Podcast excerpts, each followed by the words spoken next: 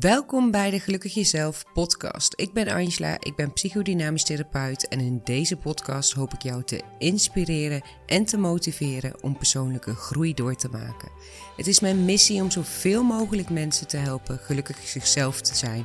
Dus sta jij ervoor open om de beste versie van jezelf te worden, dan ben je hier bij de juiste podcast. Een podcast vol tips, opdrachten, oefeningen en lessen. En ook op mijn Instagram, @gelukkigjezelf, deel ik dagelijks gratis tips en opdrachten. En in deze podcast ga ik er nog iets dieper op in. Ik hoop dat je er iets aan hebt en tof dat je luistert.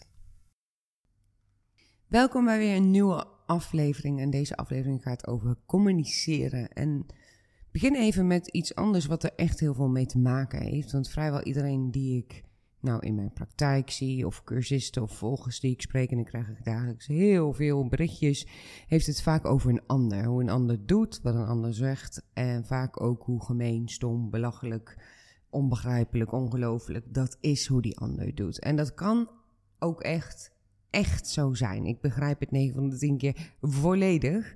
Maar daarmee kom je dus zelf eigenlijk geen centimeter verder. En in deze aflevering ga ik je daarom eigenlijk een soort mini-sessie geven over de communicatie en de rollen die jij en de ander in kunnen nemen. En wat jij dus daarin aan jezelf kunt doen. Want je kunt dus niets bij die ander doen. Want communicatie is natuurlijk iets wat je met z'n tweeën doet en er hoeft niemand de schuld te hebben, maar door de schuld bij de ander te blijven leggen, blijft het ook dus zoals het is. Die garantie heb je dus gewoon. Dus op het moment dat je elke keer iets bij een ander neerlegt, elke keer iets van een ander gemeen of stom of belachelijk vindt, blijft de situatie zoals het is. En zul je volgend jaar een Jantje of een Pietje tegenkomen die precies hetzelfde doet, waarbij jij dus precies weer hetzelfde ervaart, zolang je het niet in jezelf aanpakt. Um, er verandert dus ook helemaal niets in de communicatie. Ja, misschien dat je wat bozer gaat reageren op die ander, maar het gesprek gaat niet beter lopen. De vriendschap of relatie wordt er ook echt niet beter op als je die ander eigenlijk, ja, zeg maar, de schuld geeft. Ik, ik praat niet graag over uh, dat jij iemand de schuld geeft. Ik weet dat daar een weerstand op zit en uh, dat, dat, je, dat ook nooit je bedoeling is als je iemand de schuld geeft. Maar um, ja, het, is wel iets wat ik je elke keer weer eigenlijk opnieuw wil meegeven. Het is jouw leven. Neem de regie over jouw leven. Je kunt alleen bij jezelf iets veranderen. Maar goed, allereerst begin ik met iets wat ik uh, ook vaker herhaal. Uh, als jij iets van een ander vindt, uh, van wat degene zegt, dan gaat dat dus echt over jou. En dat betekent niet dat die ander niet gemeen kan zijn. Want zeker sommige mensen kunnen echt niet op zijn allerbest communiceren, om het zo maar te zeggen. Maar het feit blijft een alle tijden aan de ander kun je dus niets veranderen, alleen aan jezelf. Dus op het moment dat jij je druk maakt over hoe of wat een ander doet of zegt, betekent eigenlijk dat je, nou ja, twee keuzes hebt. Uh, de eerste keuze is heel hard daarover klagen, piekeren, nadenken, veel energie insteken, mee bezig zijn, uh, negatieve aandacht aangeven. Of de tweede keuze, bij jezelf blijven en aankijken in jezelf, wat raakt mij? Wat gebeurt er in mij en wat kan ik ermee doen? Want dit keer, en dat zei ik net ook al, is het die ene vriendin waar je iets van vindt of iets wat je raakt. Maar zolang jij iets in jezelf niet aanpakt, zolang jij niet aanpakt wat er in jou wordt geraakt, kom je dus volgend jaar een iemand anders, ik zei al, Jantje of Pietje, tegen, waarbij jij dus hetzelfde gevoel krijgt. En dit blijft eigenlijk, nou, voor eeuwig zo doorgaan als je naar een ander blijft wijzen ga je heel eerlijk zeggen, ik wilde dit uh, absoluut niet horen. En eigenlijk soms nog wel eens niet, merk ik bij mezelf. Uh, niemand zei het trouwens ook uh, vroeger tegen me. Maar 100% zeker, als iemand had gezegd wat ik nu tegen jou zeg, dan moet je er zelf iets aan doen. Dan was ik waarschijnlijk geïrriteerd, gefrustreerd zo, of boos geworden erop. Want het is gewoon makkelijker om naar iemand anders te wijzen. Dat doe je niet bewust, maar dat is gewoon makkelijker. Het is gewoon uh, ook shit dat je, terwijl je eigenlijk voelt die persoon doet gemeen, dat je iets aan jezelf moet doen. Dat is, voelt ook een soort van, tenminste zo ervaar ik dat, uh, als een soort onrecht of onmacht. Waarom moet ik nou weer iets doen? En ik begrijp dat echt, echt 100%. Ik begrijp ook 100% als dit, wat ik nu allemaal zeg, weerstand bij je oproept. Maar helaas ik kan er echt niets anders van maken. Je kunt gewoon niets aan een ander veranderen. En wel aan jezelf. Dus het wijzen naar een ander kost je alleen maar heel veel energie. Wat niets oplevert. Ja, soms leeft het tijdelijk, op hele korte termijn, even iets op van, oh, voelt het opgelucht. Dus als jij met iemand deelt van, oh, die en die deed dit, dat je het even kwijt bent. Maar je verwerkt niets, je lost niets op, je verandert niets. Waardoor je dus ook vrijwel gegarandeerd hetzelfde dus ook weer tegenkomt. Even een voorbeeldje. Ik was uh, laatst op een feestje en iemand kwam naar mij toe en we hadden gewoon even een leuk gesprek. En we hadden het op een gegeven moment over gelukkig jezelf. En ineens zei ze tegen mij, oh, ik wil eigenlijk al iets heel lang iets aan je vragen. Word jij niet doodmoe van die ene persoon? Nou, ze noemde natuurlijk de naam, die ga ik hier niet uh, noemen. Heeft, doet er ook helemaal niet toe. En ik snapte de vraag ook niet. Dus ik vroeg, hoe bedoel je? Ze zei, nou, soms zie ik uh, iets voorbij komen en denk ik, word jij daar niet doodmoe van? Nou, aangezien ik uh, op een feestje was en niet aan het werk was, wilde ik het luchtig houden. Maar ik zei, nee, helemaal niet. Eerlijk gezegd, kijk ik ook niet op die manier naar die ander. Maar wat maakt dat jij er doodmoe van wordt? En ze gaf aantal soort van voor mij onduidelijke redenen. En ik moet hier nu aan denken, omdat dit doodmoe worden alles zegt over haar en niet over die persoon waar ze het over had. Er wordt iets in haar geraakt, iets in haar getriggerd, uh, waar ze doodmoe van wordt. En vaak gaat het om iets, en let daar maar eens op voor jezelf, waar je zelf wel iets meer van mag hebben. Het zou bijvoorbeeld kunnen zijn in dit voorbeeld, de persoon waar ze het over heeft, is ontzettend veel bezig met persoonlijke ontwikkeling en zij kan daar dan moe van worden. Maar voor mij is dat meer een teken dat als je er moe van wordt, dat je er zelf misschien iets meer van mag hebben. Iets meer mee mag doen, bijvoorbeeld.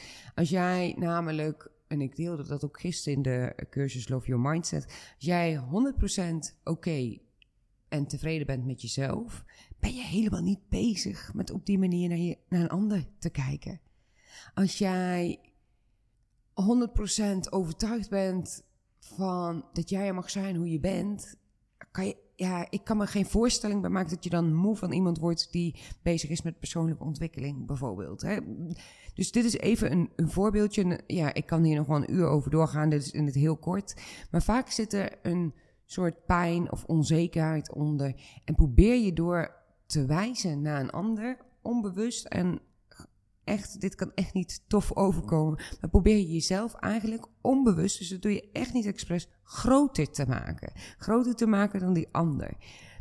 Eigenlijk gewoon zonde van je energie, want je kunt je ook jezelf groter maken door iets in jezelf te doen. Nou, nu was ik op dat moment op dat feestje niet in de positie en had ik er ook geen behoefte aan om met haar dat te onderzoeken. En zij waarschijnlijk ook niet. En misschien staat ze er niet eens voor open. Maar dit is typisch zo'n voorbeeld van druk maken om wat een ander doet, je energie steken in wat een ander doet en daar iets van vinden, terwijl je eigenlijk dus bij jezelf mag kijken. Want waarschijnlijk wordt ze van meerdere mensen doodmoe in haar leven. En dat bleek ook, want daarna was er nog een persoon waar ze moe van werd. Dus um, dan kom je het ook steeds weer tegen. Dus het gaat vaak over een stukje wat in jezelf zit. Nu zul je misschien denken, dit heeft trouwens niet echt wat met communicatie te maken, maar het heeft wel, uh, ook communicatie heeft te maken met wijzen een ander. En dat laat ik zo even aan je, nou zien wou ik zeggen, maar ik laat het zo even aan je horen. Want jouw houding naar die ander, die is ontzettend belangrijk in de communicatie. Dus daarom haal ik dit voorbeeld even aan. En dit is voor veel mensen ook altijd wel een moeilijk stuk. Logisch ook, want het kan dus, zoals ik al zei, super oneerlijk voelen. Alsof het jou uh, schuld of verantwoordelijkheid is dat jij weer iets moet veranderen aan jezelf, terwijl die ander wat doet. En maar dat is uiteindelijk dus wel waar het over gaat. Je hebt dus jezelf ermee, je, je doet jezelf er eigenlijk iets mee aan als je blijft wijzen, want er verandert niets. Het heeft ook geen toegevoegde waarde. En in de toekomst zal je dus ook mensen tegen blijven komen die hetzelfde bij je triggeren als jij er niets mee doet. Dus hoe pittiger dan ook en mee aan het werk gaan doe je dus voor jezelf. Dus op het moment dat je dat ook kunt aanvaarden, hey, dat wat ik nu doe, doe ik niet omdat die ander iets doet, maar omdat ik mezelf ervan wil bevrijden, ik iets wil verwerken, ik ergens mee aan de slag wil, dan kan je er ook op een andere manier naar kijken. Maar goed, Nu gaan we toch echt over naar het echte stuk communicatie. En er zijn echt heel veel communicatiemodellen. Ik gebruik zelf ook meerdere communicatiemodellen in sessies. En ik geef ook trainingen bij bedrijven met verschillende communicatiemodellen. Maar vandaag ga ik een communicatiemodel bespreken met je. Wat uh, vind ik heel mooi aansluit op de manier hoe ik werk. En daarnaast heb ik er ook hier en daar een eigen draai aan gegeven door de jaren heen. Zodat het nog meer past bij hoe ik werk en hoe ik kijk naar dingen. Um, het is namelijk echt een hele bekende techniek. Die ik absoluut verder van zelf verzonnen heb. Is gewoon echt een hele bekende, volgens mij wereldwijd wel bekend. Maar ik heb er hier en daar uh, wat uh, gelukkig jezelf werkwijze draaitjes aangegeven, om het zo maar te zeggen. Want wat ik je vandaag uit wil leggen, uh, noemen we transactionele analyse. Misschien heb je daar wel eens van gehoord. Misschien heb je er ook wel eens wat mee gedaan. En dan is deze herhaling voor jou bekend. Maar waarschijnlijk ook even heel fijn om weer even als reminder te hebben. En misschien heb je er nog nooit van gehoord. En dan denk ik ook dat je er heel veel aan gaat hebben. Um, ik weet zelf nog dat ik er voor het eerst van hoorde toen ik uh, in mijn functie als online marketing manager een management coach had. En deze legde mij aan de hand van een wisselwerking tussen mij en mijn manager uh, dit model uit. En dat heeft mij zo enorm geholpen. Uh, het is ook een model wat je echt niet alleen in je werk hoeft toe te passen, maar juist ook in relaties en vriendschappen en eigenlijk overal. Dus na deze aflevering ga je me misschien wel regelmatig vervloeken dat je op een andere manier naar communicatie kijkt. Nou, dat is alleen maar mooi uh, als dat gebeurt natuurlijk. Um, in transactionele analyse gaan we er eigenlijk vanuit dat er drie rollen zijn die je allemaal kunt innemen tijdens een gesprek. Vaak neem je die rollen onbewust uh, in, maar na deze aflevering dus misschien wel heel bewust en kun je eigenlijk eventjes niet meer op een andere manier kijken. Maar ik ga je eerst natuurlijk even de rollen uitleggen en natuurlijk ga ik je ook vertellen wat je ermee kan doen. En allereerst hebben we de ouder als rol in een gesprek. En de ouder uh, kunnen we eigenlijk onderverdelen in twee soorten ouders. En als ik even het uh, communicatiemodel voor je schets, dan begin ik hiermee bovenaan staan de twee ouders tegenover elkaar. Dus probeer even twee ouders tegenover elkaar te zien en dadelijk uh, vul ik de andere plekjes ook in. Dus de ouder kunnen we verdelen in een verzorgende ouder en een kritische ouder. De verzorgende of voedende ouder, zo wordt het ook wel eens genoemd, kan je zowel positief als negatief bekijken. En zitten we ook allemaal wel eens in. Positief is aanmoedigend, motiverend, beschermend, eh, verzorgend, geruststellend. Nou, ga zo maar door. En negatief is eigenlijk ja, een soort van betuttelend. De persoon tegenover je eigenlijk klein houden. Dus ook, en dat doe je ook echt onbewust, hè? Want niemand, denk ik, tenminste, ik, ik moet het nog tegenkomen, maar niemand houdt bewust die ander klein. Um, maar de verzorgende ouder zijn we allemaal wel eens. En de negatieve kant, zeg maar, van de verzorgende ouder, dat betuttelend, is ook echt helemaal niet erg. En dat geldt trouwens voor alle rollen die ik vandaag uitleg. En ik zei al, iedereen heeft alle rollen. Um, maar ik denk dat het erom gaat dat je gaat inzien, hey, welke rol neem ik in? En dan ga ik straks nog even op uh, verder. Maar als je bijvoorbeeld in een relatie altijd in de verzorgende ouder zit, dan is de verhouding in die relatie een beetje scheef en is het goed om er iets mee te doen. We hebben dus de verzorgende of voedende ouder, maar dan hebben we ook nog de kritische ouder. En wat daar positief aan is, is dat de kritische ouder dus grenzen stelt, voor zichzelf opkomt, maar vaak wel op een negatieve manier.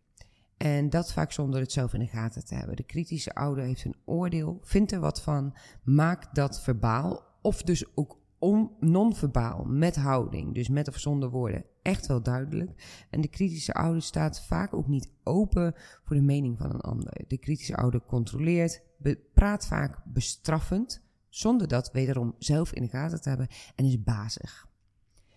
Als ik naar de ouderrol kijk vanuit de manier waarop ik werk, dus we hebben de ouderrol verdeeld in verzorgende en kritische ouder, zie ik daar altijd heel veel pijn onder liggen. Bij de verzorgende ouder zit er vaak een ik wil en moet het goed doen voor een ander overtuiging, anders ben ik niet goed genoeg. En bij de kritische ouder zit ook vaak echt een stuk onzekerheid en pijn, waar je dan in die rol, logisch ook als je die, in die kritische ouder zit, ook niet naar wil kijken. Want vaak vindt een kritische ouder ook wel dat hij in alles gelijk heeft en wil het gelijk ook halen.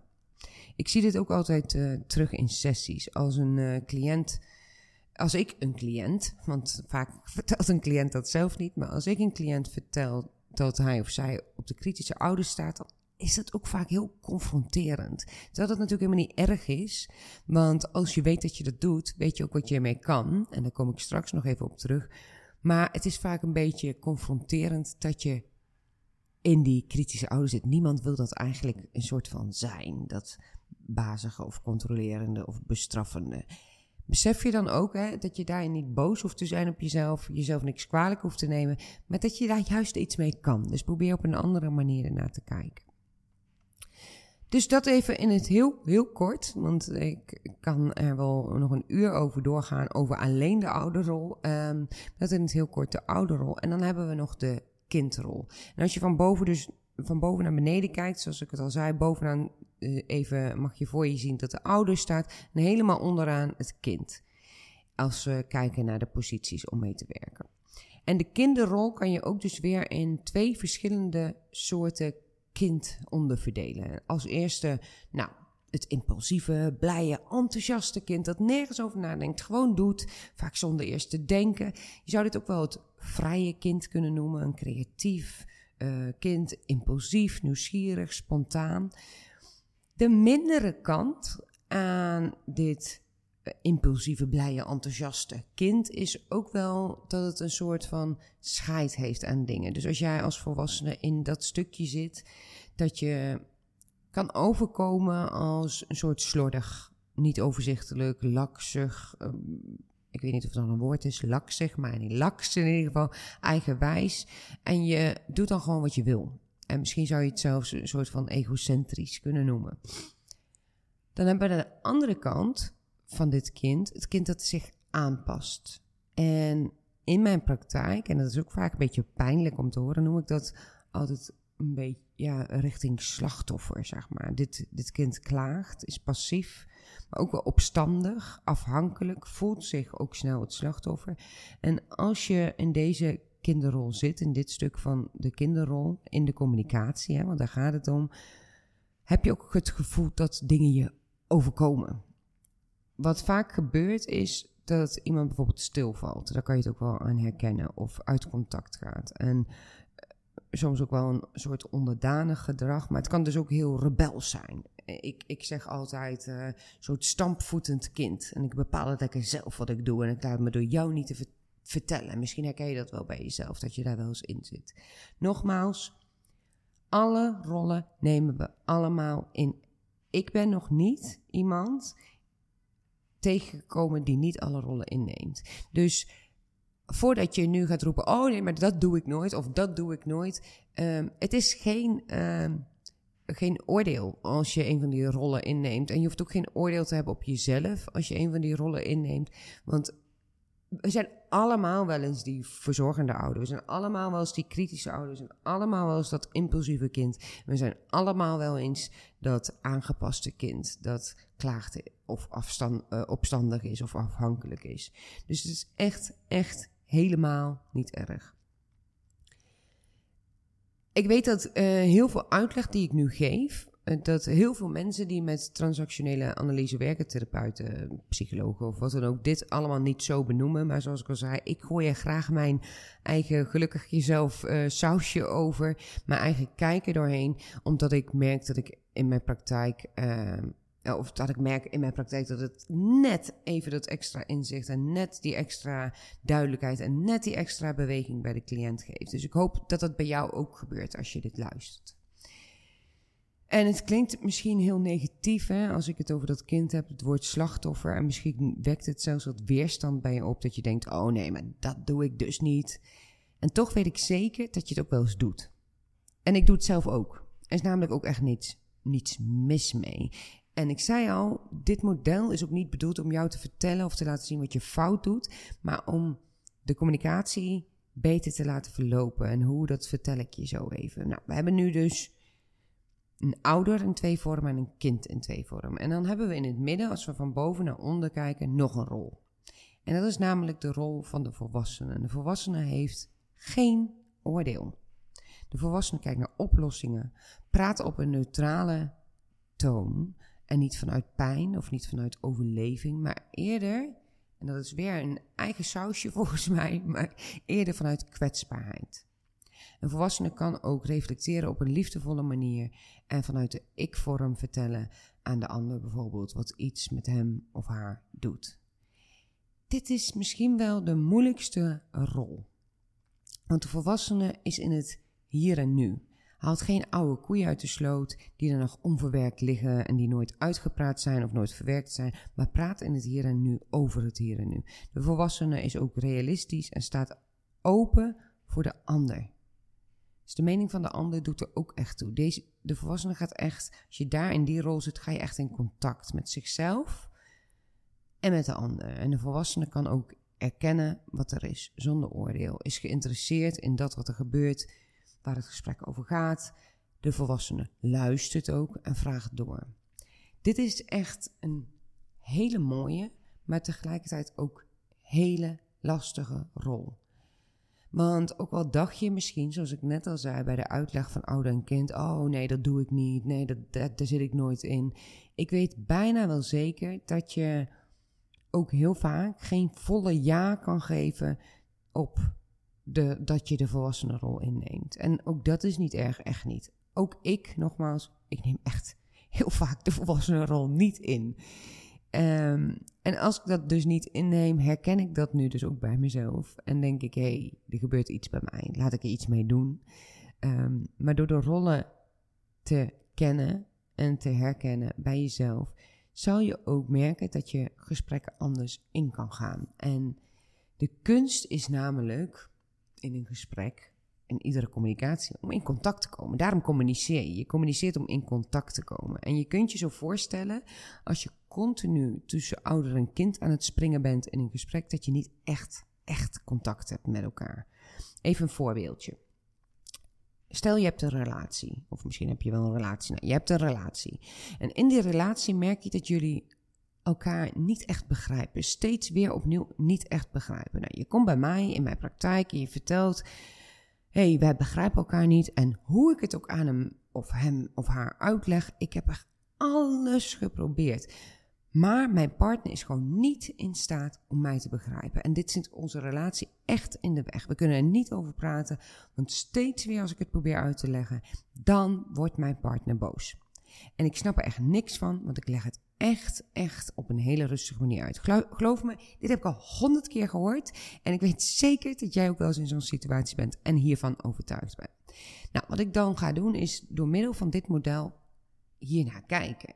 Ik ga kijken naar dit voorbeeld echt een gesprek als voorbeeld in die verschillende posities. Jij vertelt mij net dat je op een hele rustige manier alles uitlegt en dat je alles geprobeerd hebt. Nou, dat vind ik het allertofste en leukste om te horen, want hier komt de weerstand, confrontatie, alles komt voorbij. De aankomende uh, uur, anderhalf uur dat we bezig zijn. En dat is misschien niet zo leuk, maar er komt ook heel veel inzicht en heel veel beweging. En dat zie ik elke keer weer terug en dat is mega tof.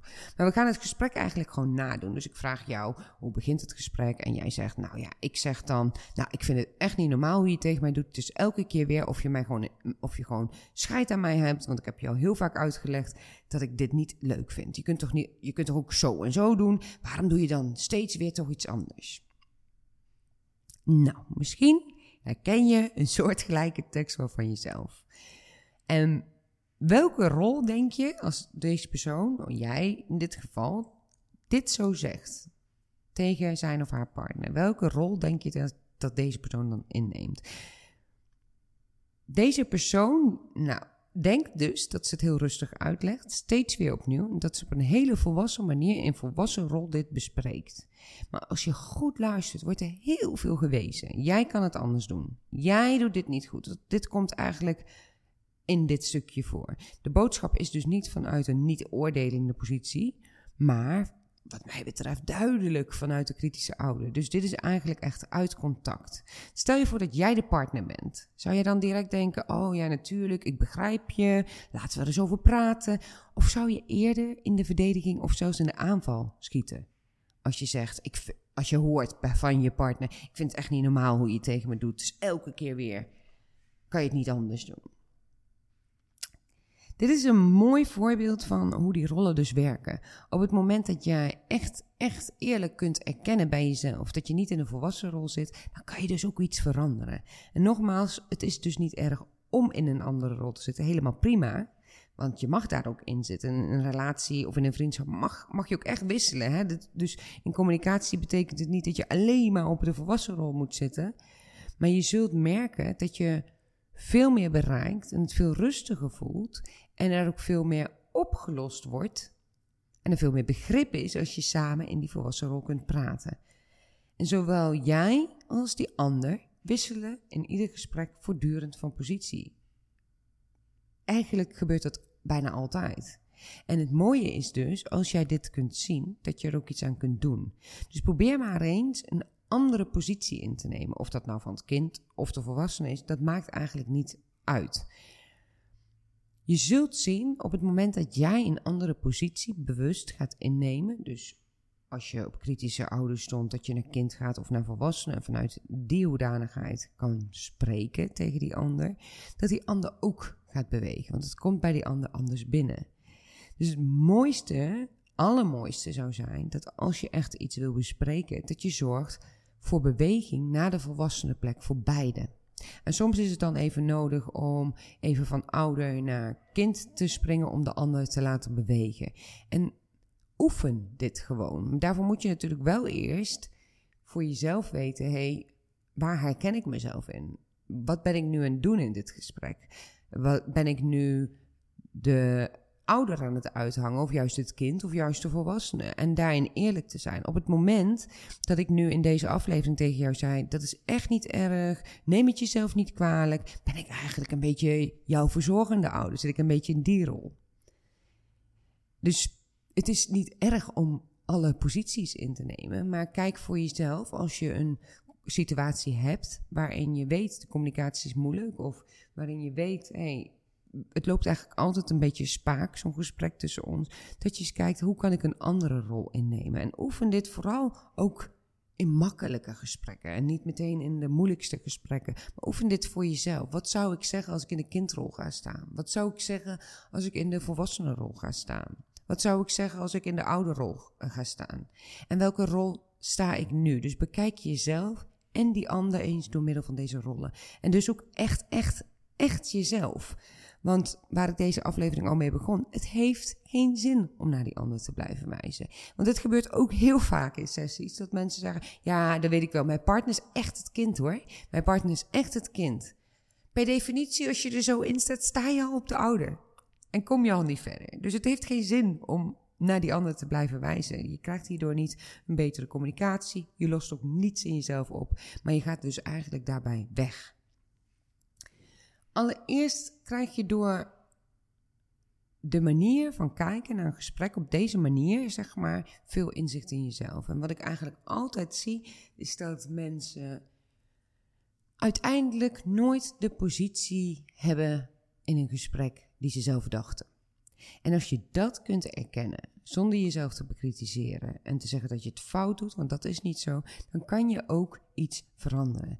En maak je het voor jezelf uiteindelijk gewoon veel makkelijker en fijner. En ook in die relatie of vriendschap of wat voor relatie het dan ook is. Het kan ook medewerker en manager zijn of wat dan ook. Maak je het gewoon makkelijker. Dus ga er maar eens mee oefenen. Laat het even binnenkomen. Luister vooral nog eens. En ik hoop dat je er weer iets aan hebt. En ik hoop dat ik je in deze aflevering vooral inzichten heb kunnen geven in jezelf en misschien ook wel in bepaalde gesprekken of relaties waarin je dit duidelijk steeds weer tegenkomt. En ga er gewoon mee aan de slag. En vond je het een toffe aflevering? Deel dat vooral op social media dat je me hebt geluisterd. En vergeet niet een beoordeling achter te laten als je dit luistert op Spotify. Daar ben ik ook enorm blij mee. En ik zie je hopelijk weer terug bij mijn volgende aflevering. En voor nu wens ik je echt een hele fijne dag.